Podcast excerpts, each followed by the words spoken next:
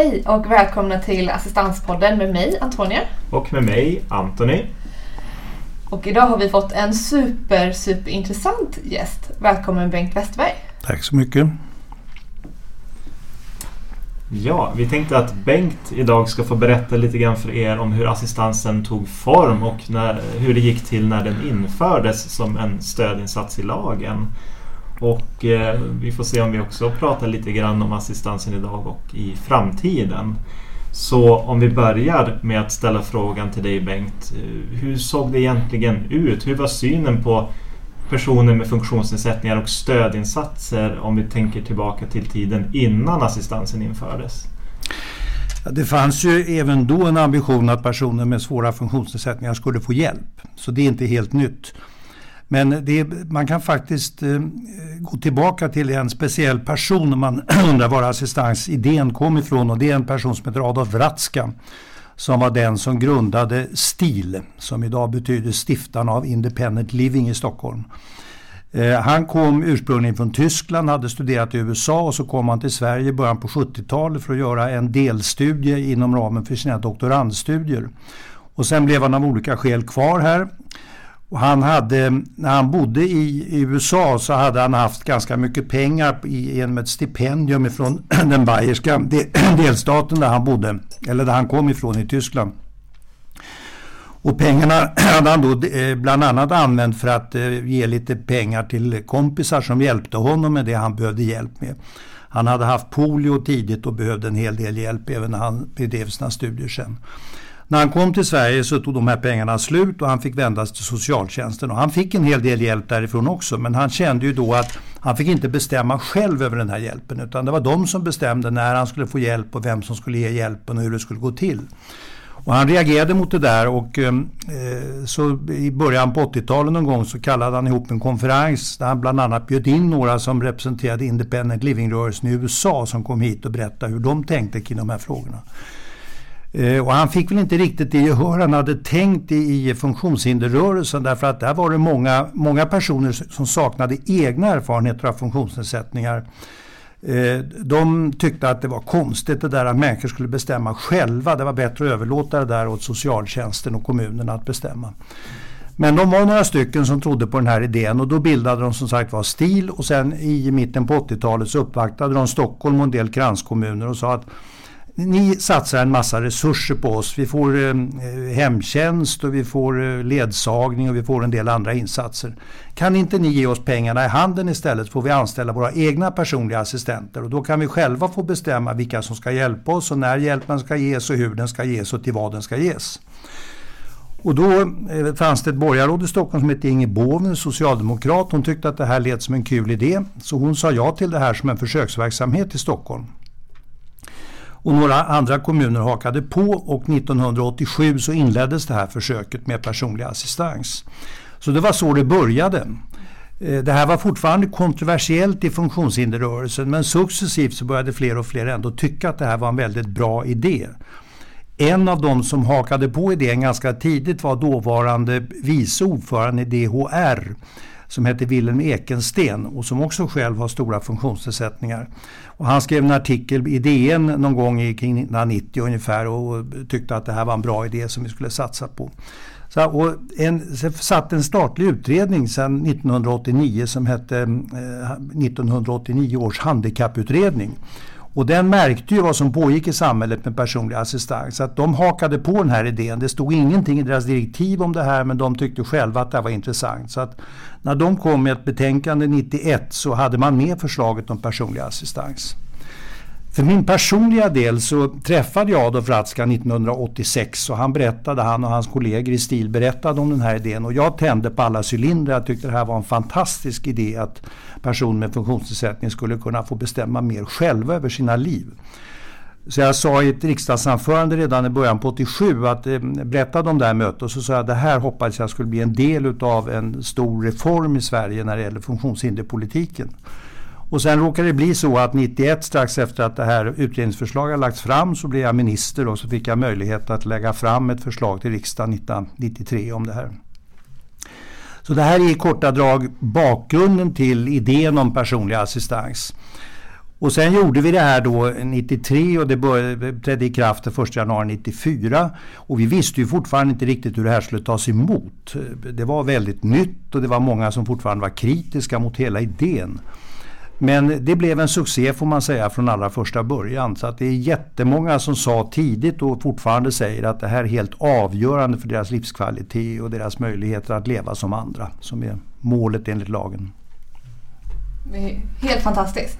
Men, och det var just att själva självbestämmelsen var det primära fokuset med att det, det, var det allra viktigaste. Tidigare bestämde kommunen. Alla andra insatser som kommunen ger, där är det kommunen som bestämmer när det ska ges och vem som ska ge och när man kan få hjälp och så.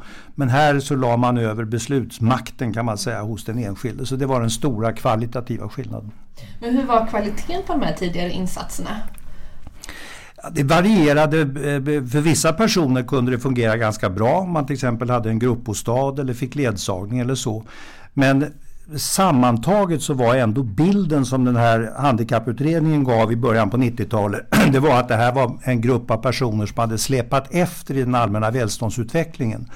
Så att man hade en del att ta igen. Alltså det, det, det såg inte så bra ut för dem. Så att för, för, många blev det ju en revolution både att man kunde få det i form av assistans men i, i del fall så fick de också många fler timmars hjälp därför att man, det var inte bara så att man ändrade formen av, av insats utan man hade också ambitionen att nu skulle de kunna leva som andra och få goda levnadsvillkor och det fanns inte på samma sätt tidigare. Och det är någonting som verkligen genomsyras om man läser propositionen till LSS också. Just av att man, man pratar just om att fokus handlar om att just stärka valfriheten och integriteten hos den mm. som behöver stödinsatserna. Och ser man till hur assistansen sen har förändrats om man tänker de första åren. Man införde ju vad man kallar för de grundläggande behoven som en slags bedömningskriterier men de var inte med från början. Nej, det var det inte. Från början var ju tanken att alla som tillhörde LSS personkrets och det är alltså personer som har stora behov av stöd och insatser på olika sätt. Ofta stöd av andra personer, ofta handlar det om det. Eh, och då var ju tanken att alla där, där assistansen var den bästa insatsen, då skulle man få möjlighet att få det. Men det blev lite dyrare med assistansen än, alltså hela LSS-reformen blev inte dyrare. Den blev snarare billigare. Därför att det var mycket färre personer som fick insatser än vad man hade räknat med i propositionen. Men däremot blev assistansen lite dyrare och det berodde framför allt på att de som fick assistans fick fler timmar än vad man räknar med, eller vi räknar med ska jag säga, för jag var ju med om den här propositionen. Ehm, och det berodde på i sin tur att man hade underskattat anhörigas insatser. Man tittade på, när man skulle beräkna hur mycket assistans de skulle få, då tittade man på hur mycket gav socialtjänsten och, och så tidigare. Och så la man på ganska kraftigt och tänkte att då har vi väl tagit till marginaler. Men man glömde bort de anhörigas insatser. Så därför blev det inte 40 timmar som det stod i propositionen utan det blev ungefär 70 timmar redan från början. Så det var skälet till att det blev dyrare. Men då reagerade den nya regeringen, då, socialdemokratiska regeringen som hade tillträtt 94 mot den här kostnadsutvecklingen och man tillsatte en utredning ganska snabbt som skulle komma med förslag om kostnadsnedskärningar. Och det kan man säga, det blev den första i en lång rad av utredningar som har haft det här uppdraget att försöka begränsa kostnadsutvecklingen för assistansen. Den senaste var ju den här som hette LSS-utredningen som blev klar för eh, något år sedan eller nu ungefär. Eh, men det, det, det, var en utredning i början och en på slutet och däremellan flera utredningar till med ungefär samma uppdrag. Men hur kom man fram till att just sätta de här, ja, inledningsvis var det väl fyra stycken grundläggande behov med personlig hygien och påklädning, måltid och kommunikation? Ja, det var ju fram man ville begränsa vilka som skulle kunna få assistans och då definierade man de här de här grundläggande eh, behoven som du säger och sa att det är bara personer som har de behoven som ska kunna få assistans och så sa man dessutom att staten ska bara gå in och betala om just de grundläggande behoven överstiger 20 timmar i veckan. Tidigare så betalade staten om alla behov översteg 20 timmar i veckan. Då betalade staten hela kostnaden från den första timmen uppåt. Så det här var ett sätt att ska säga, övervältra kostnader från stat till kommun. Mm. Det var så det gick till. Eh, och sen är ju problemet med de här grundläggande behoven att de har definierats successivt snävare och snävare. Så att det här till exempel att äta måltid, det betyder inte längre måltid utan det är att kunna föra mat till munnen. Det är bara det enda momentet som räknas. Och av och påklädning, det är inte all av och påklädning utan det är av och påklädning av underkläder.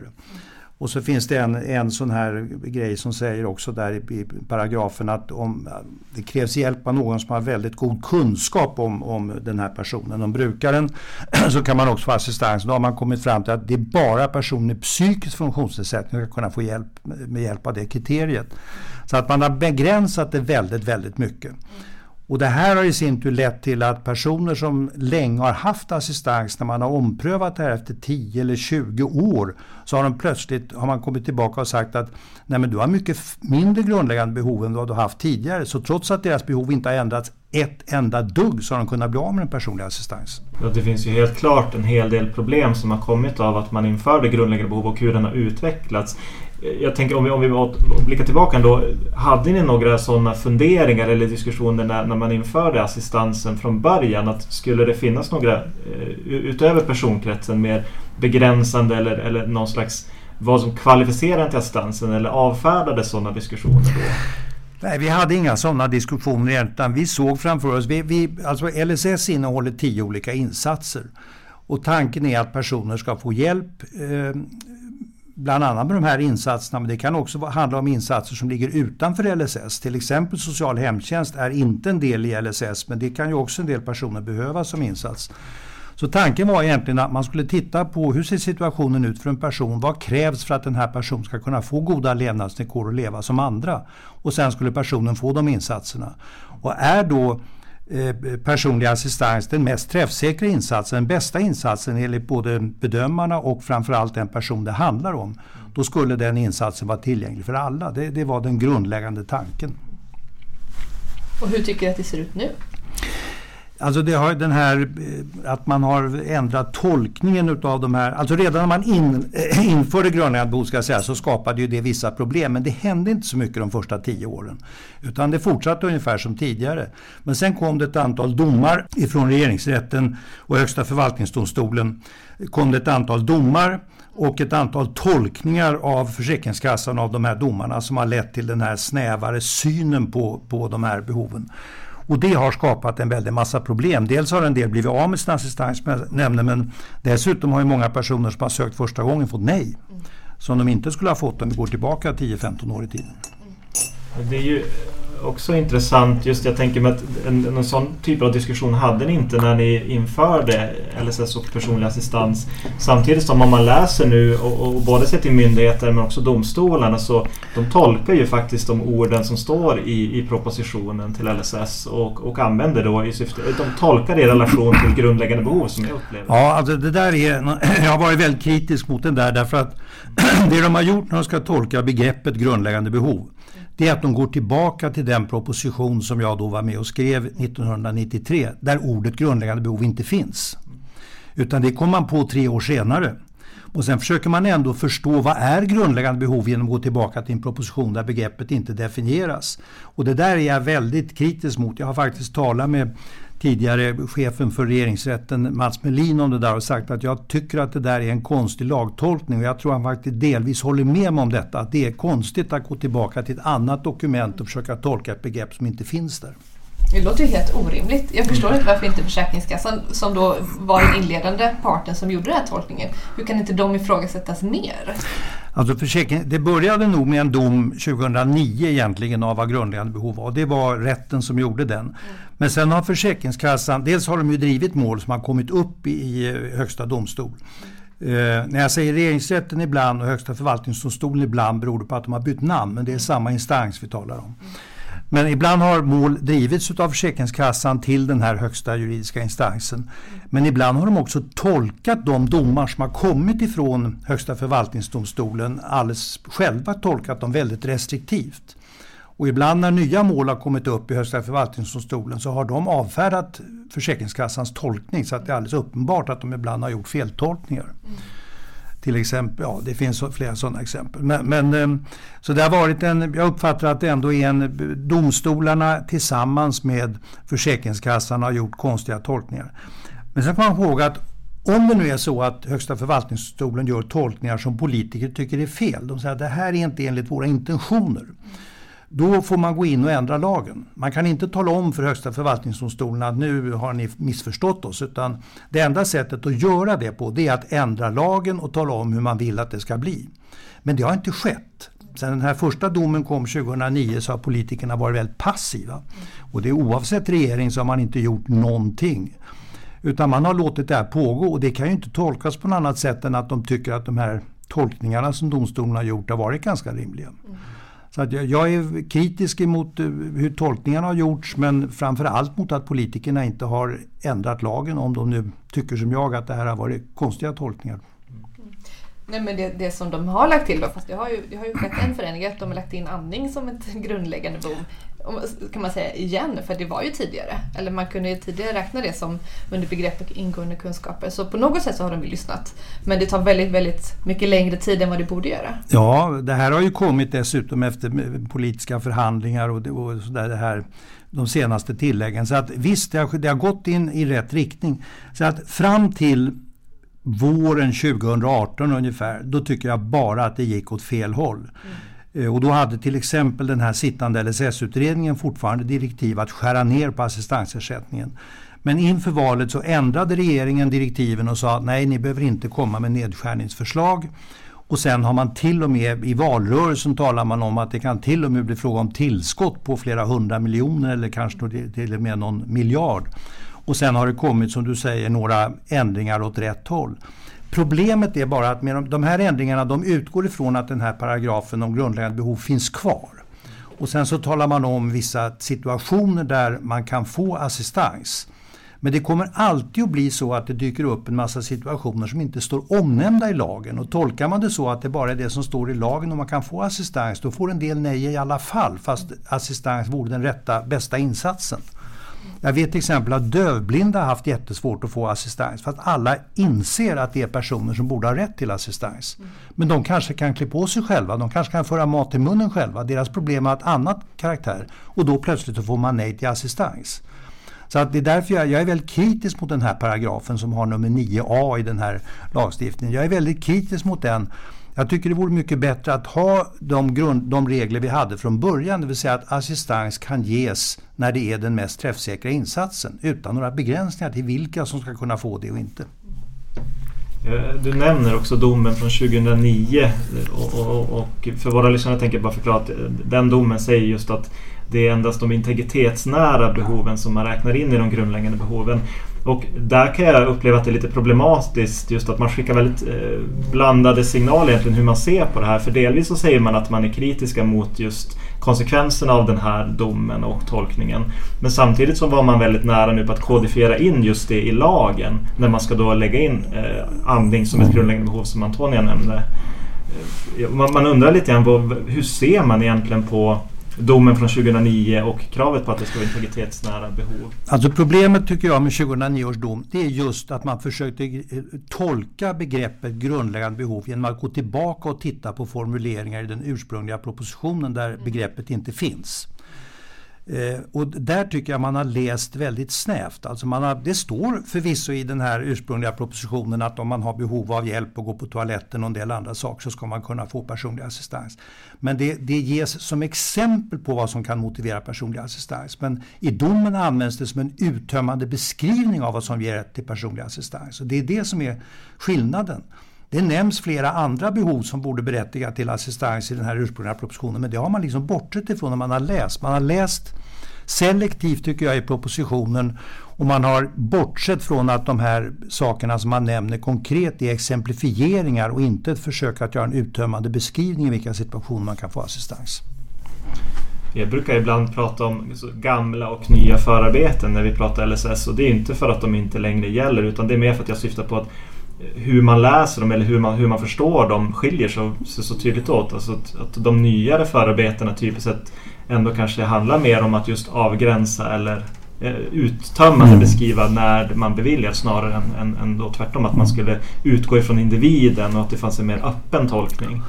Det finns, det finns ibland en önskan till exempel från handläggare på Försäkringskassan och kanske också i kommunerna att lagstiftningen ska innehålla såna här uttömmande redovisningar så att det ska vara lättare för dem att tolka det i konkreta situationer. Problemet är att funktionsnedsättningar ser så enormt olika ut. Så att det är omöjligt nästan att tänka sig en uttömmande beskrivning av alla situationer då man ska göra olika hjälpinsatser. Och därför så är det fullt avsiktligt, det är inte ett olycksfall i arbetet, det är fullt avsiktligt som man har ganska öppna målformuleringar och så om vad man ska åstadkomma. Och sen är det naturligtvis, jag förstår att det inte är lätt att vara biståndsbedömare och kunna avgöra när behoven finns. Det är en svår uppgift. Men jag tror inte att det finns något bättre sätt att klara det än att erfarna, duktiga personer får göra den bedömningen. Och framförallt så, det framgår ju också av lagen att man ska ha kontakt med den person som behöver hjälp. Hur värderar de insatserna? Vilka insatser tycker de behövs för att de ska kunna leva ett liv som andra? Och ibland hör man då invändningen att ja, men så kan vi inte göra därför att folk, då finns det inga gränser för hur mycket hjälp man ska få utan då ska man ha hur mycket hjälp som helst. Jag tror inte att det är så. Jag ska inte utesluta att det finns personer som är väldigt krävande och vill ha väldigt mycket. Men jag vet att de flesta vill ha egentligen så lite hjälp som möjligt. De vill klara sig själva. Ni hittar inte en enda människa som inte har en funktionsnedsättning som vill ha hjälp att gå på toaletten till exempel. Man vill inte det. Man vill helst vara i fred på toaletten. Och det vill även personer med svåra funktionsnedsättningar. Det är bara det att för dem finns inte det alternativet. Så det, det är, en slags, det, det, är inte så att de vill ha så mycket hjälp som möjligt. Det, det är en, eh, det är en felsyn tror jag i grunden. Nej, men, men jag håller med. Och det, det som jag tycker är mest skrämmande som man ser nu det är att handläggarna helst inte vill träffa, eller i många fall inte vill träffa personer som söker om assistans utan de tittar bara på det medicinska underlaget. För mm. det som sägs under mötet det har inte lika stor betydelse utan det är myndigheten, myndighetens egna bedömning eller rimlighetsbedömning eller skälighetsbedömning om vilken tid som ska beviljas. Mm. Jag tycker det är jätteproblematiskt och det är också tråkigt och ja, men hemskt egentligen för en enskild att sitta och bli ifrågasatt under varje möte med handläggaren. Behöver verkligen den här hjälpen? Mm. Jo, alltså, ah, nu tror jag i och för sig att Försäkringskassan till exempel har blivit lite, gör lite mer översiktliga bedömningar vid omprövningar än vad man gjorde tidigare. Men det är ju en väldigt integritetskränkande prövning och den, det, man måste nog ställa vissa frågor. Jag tror det man ska bevilja personlig assistans. Att man kan alltid uppleva det som integritetskränkande men det har gått för långt när man frågar om hur lång tid tar en toalettbesök. Ja, hur, vad svarar man själv på den frågan? Det kan ta en minut och det kan ta tio minuter eller kanske till och med ännu längre tid om man har ont i magen. Så att det går inte att svara på sådana frågor. Och ibland vet jag att det finns några exempel på att personer har uppgett att de tar ett toalettbesök 15 minuter och så kommer det hem någon och kontrollerar ett toalettbesök och den gången tog bara 10 minuter. Mm. Och eftersom man gör ett antal toalettbesök i veckan så blir det plötsligt många timmar som försvinner då i form av hjälp om man ska gå på de där 10 minuterna istället. Så att det blir lite absurt på något sätt. Det är, inga andra människor skulle acceptera den här typen av kontroller och mätningar som de här människorna tvingas acceptera. Det är väl framförallt just att det kan bli så skeva konsekvenser också. Att en sån sak som hur många gånger en person duschar i veckan till exempel kan påverka om man har rätt till insatsen eller inte. Fastän behovet i grunden är ju densamma. Mm. Eh, så på så sätt kan jag absolut hålla med om, om, om grundtanken med assistansen. Just att man, man, man utgår ifrån individens behov och hur, hur, utmaningarna ser ut snarare än att man, man mäter det i tid. Mm. Sen behöver det kanske göras vissa bedömningen ändå förstås när man utreder? Alltså man måste ju på något sätt göra en bedömning för att kunna bedöma hur många timmar hjälp ska man få. Så att jag förstår att här, här finns ett bedömningsmoment. Och är det så att brukaren och handläggaren inte är överens så är det ju till sist handläggaren som bestämmer. Eller om vi ser handläggaren representant för, för staten, för myndigheten som bestämmer. Så det är antingen handläggarna i kommunerna som bestämmer eller Försäkringskassan eller till sist domstolar. Det är inte den enskilde som själv i slutändan bestämmer hur många timmar de ska få utan det är någon annan som gör.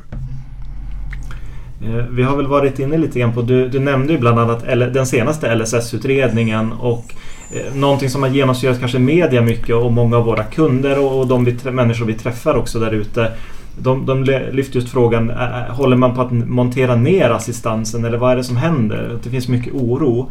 Och där så skrev du bland annat en rapport där du gjorde en kritisk granskning av direktiven till LSS-utredningen där du också tittar lite grann på alternativkostnader. Och min fråga är lite grann att vad tror du skulle hända om man skulle montera ner assistansersättningen, alltså den statliga ersättningen för assistans? Finns det några bra alternativ eller vilka konsekvenser skulle det kunna få?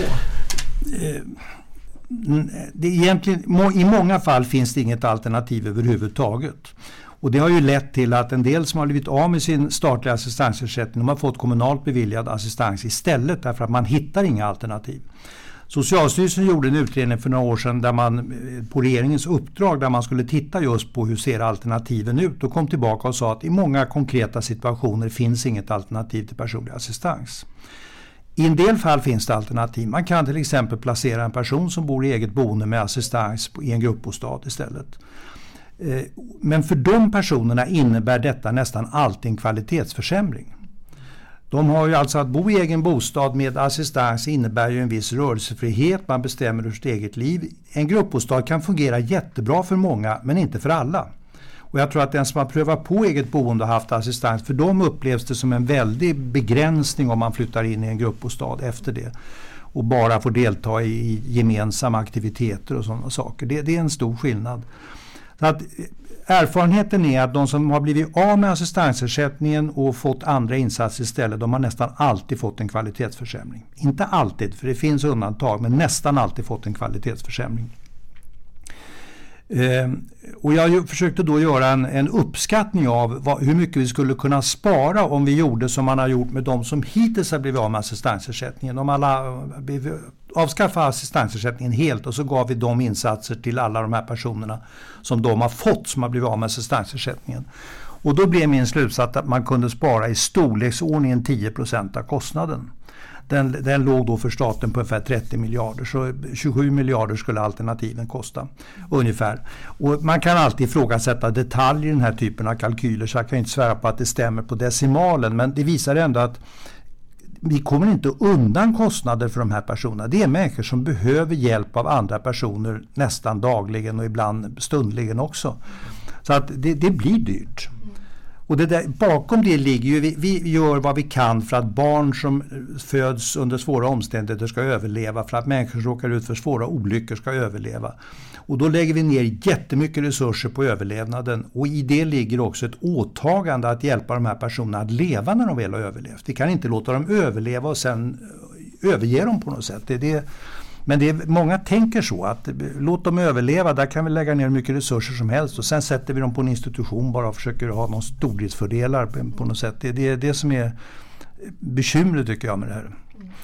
Sen om jag bara får, du började ju tala om den här LSS-utredningen.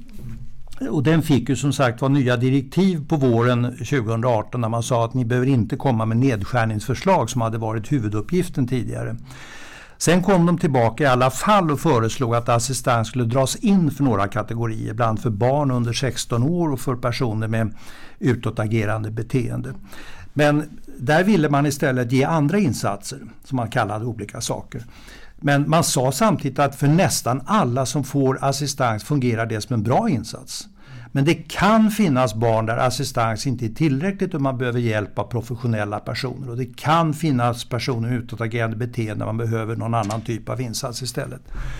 Och då tycker jag ju att den rimliga slutsatsen är att ja, men se till att skapa en ny insats för de här barnen och de här utåtagerande som behöver något annat än assistans. Men då för de 90-95% där assistansen är bra så är det ju bäst att man får behålla den insatsen. De trivs med det, tycker att det fungerar bra. Så att jag tyckte det var ett idiotiskt förslag att man skulle ta bort assistansen när det är bra för 90-95 procent. Komplettera istället assistansen med något för de som kan behöva andra insatser. Mm. Men nu är det ju snart ett, eller det är lite mer än ett år sedan som de släppte LSS-utredningen. Vi har inte hört så mycket om den. Nej, den är väl i praktiken begravd i någon byrålåda ja. någonstans. Jag tycker det var fel faktiskt att man inte skickade ut den på remiss. Alltså att man skickar ut en utredning på remiss innebär inte att man håller med om allt som står i utredningen. De borde ha gjort det och så borde de ha tillsatt, tycker jag, en arbetsgrupp inom departementet som hade börjat jobba på en proposition, tagit fasta på en del av det som är bra i den här utredningen. Det finns en del insatser som man absolut kan överväga. Eh, och sen eh, jobba fram en, en eh, förändringar. Och jag tycker att till det mest angelägna hör det vi har pratat om tidigare, att ta bort den här paragraf 9a, alltså där det talas om grundläggande behov. Ta bort den och, och säg istället att assistans ska användas när det är den mest träffsäkra insatsen. Mm. Så är det du, om du skulle få ändra på någonting inom assistansen så är det just att ta bort den paragrafen? Ja, och sen får man naturligtvis skriva i motiveringen berätta hur man har tänkt sig. Vi har ju nu ändå 25 års erfarenhet av det här. Så man kan ju, nu vet man ju ungefär vad man behöver skriva och vad domstolarna söker efter när de ska tolka lagen och sådär. Så att det, går ju att skriva bra motiveringar. Om du ser tillbaka och skulle få göra om LSS, hur skulle du gjort då? Jag skulle nog ha gjort som vi gjorde. Sen kan man säga att om du ser tillbaka och hade haft all den erfarenhet som vi har under de här 25 åren, då hade jag väl skrivit en del andra saker. Då hade jag ju kunnat ta upp begreppet grundläggande behov och tala om att jag inte tyckte att det var särskilt intressant. Men hur skulle jag kunna sitta 93 och förstå att några tre år senare skulle införa ett nytt begrepp? Det, det, det var ju inte så helt lätt att göra. Och vi är ju aldrig i den situationen, alltså man kan alltid säga 25 år efter att en ny lag har kommit att hade jag vetat precis vad som hade hänt så hade jag kunnat gjort saker annorlunda. Alltså ett konkret exempel, när vi gjorde den här lagen så hade vi ingen tanke på att anhöriga skulle kunna bli assistenter 24 timmar om dygnet men det visade sig då efter några eh, år att det fanns en del anhöriga som tog på sig assistentskap 24 timmar om dygnet. Så var man tvungen att införa arbetstidsregler eh, för dem. Och hade jag anat detta så hade vi naturligtvis fört in arbetstidsregler redan från början. Så självklart är det så att erfarenheten gör att man måste ändra lagen, det är jag helt med på. Eh, det, här, det har varit mycket diskussion om att det finns assistansföretag som fuskar, att man behöver bättre kontroll. Ja, jag är helt för det också. Det hade vi kanske också gjort från början om vi hade misstänkt den de här utvecklingen. Så att hela tiden måste man vara beredd tycker jag och man måste vara flexibel och ändra och komplettera en lagstiftning. Det tycker jag är självklart. Men i några avseenden har man kompletterat på fel sätt.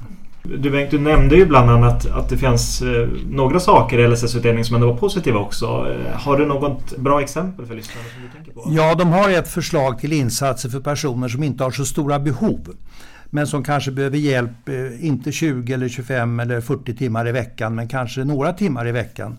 Eh, och där det också ska vara en flexibel hjälp. Alltså de, det, det, olika personer behöver hjälp med olika saker. Så egentligen är det jag brukar kalla det personlig assistans light.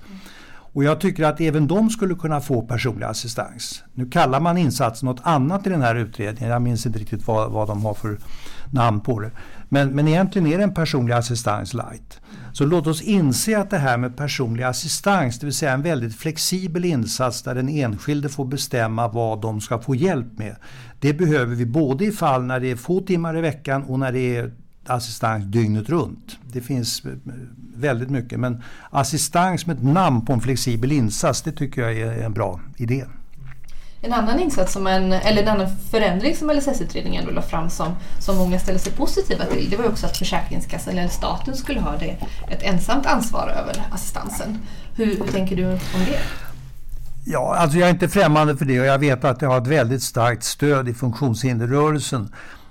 Problemet är ju hela tiden att man måste ändå väga den här insatsen mot andra insatser. Eh, och då är, hamnar man i svårigheter när det är två olika instanser som förfogar över insatserna, vem som ska göra det. Så att vad det här ytterst, tycker jag, eh, visar det är svårigheter när vi har många instanser inblandade. Och funktionshinderpolitiken den är, den är krånglig. Det finns många olika typer av funktionsnedsättningar. Det är många instanser inblandade. Kommuner kan man säga, men i kommunen är olika förvaltningar och så är det regionerna och så är det en massa statliga myndigheter. Och det är många olika lagar som ska tillämpas. Så det här är krångligt. Och risken är alltid att den enskilde hamnar mellan stolarna. Och därför krävs det bättre samverkan mellan myndigheter. Och det är egentligen det tycker jag som är nyckeln till det här. Alltså jag tror inte vi löser så många problem genom att förstatliga assistans. Jag har inget emot att det sker men jag tror inte att vi därmed kan säga, slå oss till ro och säga att nu har vi löst problemet. Det tror jag inte. Utan fortfarande så måste i så fall kommun och försäkringskassa kunna prata med varandra och en hel del andra myndigheter också som är inblandade måste kunna prata med varandra. Så det ytterst handlar om samverkan. Man får inte bli, det får inte bli så att det blir de här smala stuprören på något sätt där myndigheter sitter och tänker på sitt och försöker att skydda sig mot eh, övervältra så mycket som möjligt på andra. Det, det går inte utan vi måste hela tiden se till enskilda. De är inte indelade i paragrafer och enligt myndighetsgränser utan de är helheter och det är så vi måste se på dem och den hjälp som ska ges. Så bättre myndighetssamverkan det, det står i flera lagar men i praktiken fungerar det ofta väldigt dåligt. Men där håller jag väl med egentligen i, allt hur du beskriver. Eh, jag tänker om man ska krångla till det lite grann och koppla tillbaka till, till förslaget om att man skulle kunna plocka bort det grundläggande behovet. Eh, om vi ändå behåller en, en eh, ekonomisk uppdelning då, vilken instans som ska ansvara för den ekonomiska kostnaden för assistansen.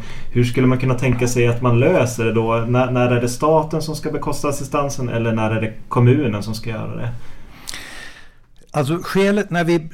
Från, man kan säga att LSS är ju totalt sett ett kommunalt ansvar. Och sen så finns det då ett undantag och det är assistansen. Och skälet till att vi där gav staten ett särskilt ansvar det var att vi förstod att ibland kunde det bli fråga om väldigt stora insatser och väldigt höga kostnader för en enskild person. Och då kunde en enskild person tynga budgeten i en liten kommun eller en stadsdel. Och då var det mer rimligt tyckte vi att den här kostnaden, den höga kostnaden i de här fallen, den delades av alla skattebetalare, inte bara de som råkar bo på ett visst ställe. Eh, så det, det, var grundtanken bakom och jag tycker fortfarande att staten ska ta ett ansvar. Men hur det ansvaret ska se ut, det kan man ju fundera på. Det finns ju andra system för att omfördela kostnader mellan stat och kommun än, än det, det, vi valde för assistansen. Så att jag är öppen för att pröva olika sätt. Men jag tycker att det är ett, sammantaget är det här ett gemensamt ansvar som vi har för de här personerna. Det är möjligt att staten skulle ta över ansvaret för, för hela tillämpningen av LSS och inte bara för assistansen. Men att man lägger prövningen av olika insatser på kommunal nivå. Alltså jag, jag är, på den punkten är jag ganska öppen. Jag vet att det finns mycket bestämda uppfattningar i funktionshinderrörelsen men, men som sagt var grundproblemet är det här med samverkan mellan myndigheter. vi kommer inte ifrån det. Vi kommer alltid att ha alltså funktionshinderpolitiken kommer alltid vara splittrad på olika myndigheter och olika lagar och sådär. Så att vi kommer alltid ha ett samordningsproblem oavsett hur vi gör små gränsförskjutningar i den här bilden. Jag tycker det är väldigt bra att du lyfter det för jag tror att det, den, den, frågan går lite, det glöms nästan bort ibland i debatten kring om det ska vara statligt eller kommunalt ansvar. Att man glömmer bort varför det ser ut som det gör nu mm. och vilka fördelar som också finns med det eftersom man pratar gärna om, om, om nackdelarna eller bristerna. Då. Ja. Vad tror du om framtiden för assistansen? De håller på att tillsätta utredningen på utredningen. Vad kommer hända om assistans inom assistans om några år? Alltså jag tror att assistansen har kommit för att stanna. Jag känner inte för dagen i alla fall att den är hotad utan jag tror att den kommer att finnas kvar. Däremot så det här ifrågasättandet av kostnaderna det lever ju kvar på något sätt. Det finns alltid en stor grupp som tycker att det här är alldeles för dyrt när, när LSS-utredningen tillsattes då utgick man just ifrån att kostnaderna hade ökat från 14 miljarder kronor 2005 tror jag det var till eh, 30 miljarder 2015. Någonting sånt där. Eh, och då sa man att det är helt orimligt att det går på det här sättet. Och det, I den här rapporten som nämndes förut så försökte jag just titta på den här utvecklingen. Var den orimlig eller inte? Och min slutsats var att nej, den var ganska rimlig. Om man tog hänsyn till löneökningar för personalen, framförallt för assistenter, till att det var fler personer som fick assistans och till standardökningen i samhället. De tre faktorerna vägde jag in. Och då landade jag på att de 14 miljarderna 2005 var ungefär 30 miljarder 2015. Så det var inte alls orimligt. Och tycker man då att det är rimligt att insatserna för personer med funktionsnedsättning hänger med i den allmänna standardutvecklingen, då, då var det här fullt rimligt. Och det, den typen av analyser måste man börja med innan man förfasar eh, sig över att det har blivit så dyrt. Alltså det, det, det är inte så att kostnaderna som andel av BNP, att den här gruppen har fått mer och mer och mer. Utan det är snarare så att deras eftersläpning kvarstår. Den fanns tidigare och den finns fortfarande i väldigt hög grad. Så det, det, och det där, ja, man, man, måste ha en noggrannare analys av vad, det är, vad, vad, som är det egentliga problemet, om det överhuvudtaget finns det där problemet. Det, det, det, tycker jag man måste börja med. Men jag tror att assistanserna kommer för att stanna därför att det är en sån bra insats. Den uppskattas oerhört mycket av de som får den och deras anhöriga. Så att, därför är jag inte så orolig. Det jag däremot känner större oro för idag det är en allmänt negativ attityd till personer med funktionsnedsättning. Alltså man tycker att de på något sätt får för mycket. Jag tror inte att de som känner personer som har svåra funktionsnedsättningar tycker det. Men andra tycker på något sätt att det här är en grupp som får för mycket. Och det låter ju jättemycket med 30 miljarder i statlig assistansersättning och sådär. Och så jämför man massa andra utgiftsposter utan att fundera på vad, vad pengarna går till egentligen. Ehm, och jag hör, bara häromdagen blev jag uppringd av en kille som sitter i en socialnämnd nere i västra Sverige som berättade om ett sammanträde de hade haft där en handläggare hade sagt förskräckliga saker om det här med assistans och överhuvudtaget hjälpen till personer med funktionsnedsättning. Just på temat att de här människorna kräver så oerhört mycket, så, det är så orimligt mycket. Men frågar man då, ja, men kan de leva som andra, får de goda levnadsvillkor? Ja, då är ju svaret ofta nej, men det är som de inte skulle ha rätt till det därför att de har sin funktionsnedsättning. Och det där det tycker jag är ett problem. En annat problem är att jag träffade en person från en funktionshinderorganisation som berättade för ett tag sedan att tidigare, han, han, den här personen är lite äldre nu, på 90-talet sa han när man kom till socialtjänsten och berättade om sina problem, då löste man det ofta ihop med handläggaren. Men nu när man kommer till en handläggare säger de ofta i stort sett vi ses i förvaltningsrätten. Alltså man försöker inte lösa problemet utan man bollar det vidare och chansar på hur, hur restriktiva kan vi vara? Det får domstolen pröva. Så det är en, en i grunden snål bedömning tycker jag av personer med funktionsnedsättning. Och det har ändrat sig. Så tycker jag inte att det var på 90-talet när jag själv höll på. Men idag hör jag väldigt mycket rykten om det. Stort tack Bengt för att du kom och gästade oss här i Assistanspodden. Jag, jag kan i alla fall tycka att det är otroligt mäktigt att få träffa den person som kallas för just pappa till assistansen. En insats som har betytt så otroligt mycket för väldigt många personer. Så det är superhäftigt, verkligen. Stort tack! Det var en stor ära. Det är jättekul. Eh, och är det så att ni vill komma i kontakt med oss eh, och ge förslag på ämnen eller andra intressanta personer som vi ska ha med i podden så kan ni mejla oss på assistanspodden humana.se eller söka upp oss på sociala medier. Och man får gärna gå in och lyssna på andra avsnitt där vi också har intressanta intervjuer och gäster. Men tack så mycket för oss! Tack så du ha!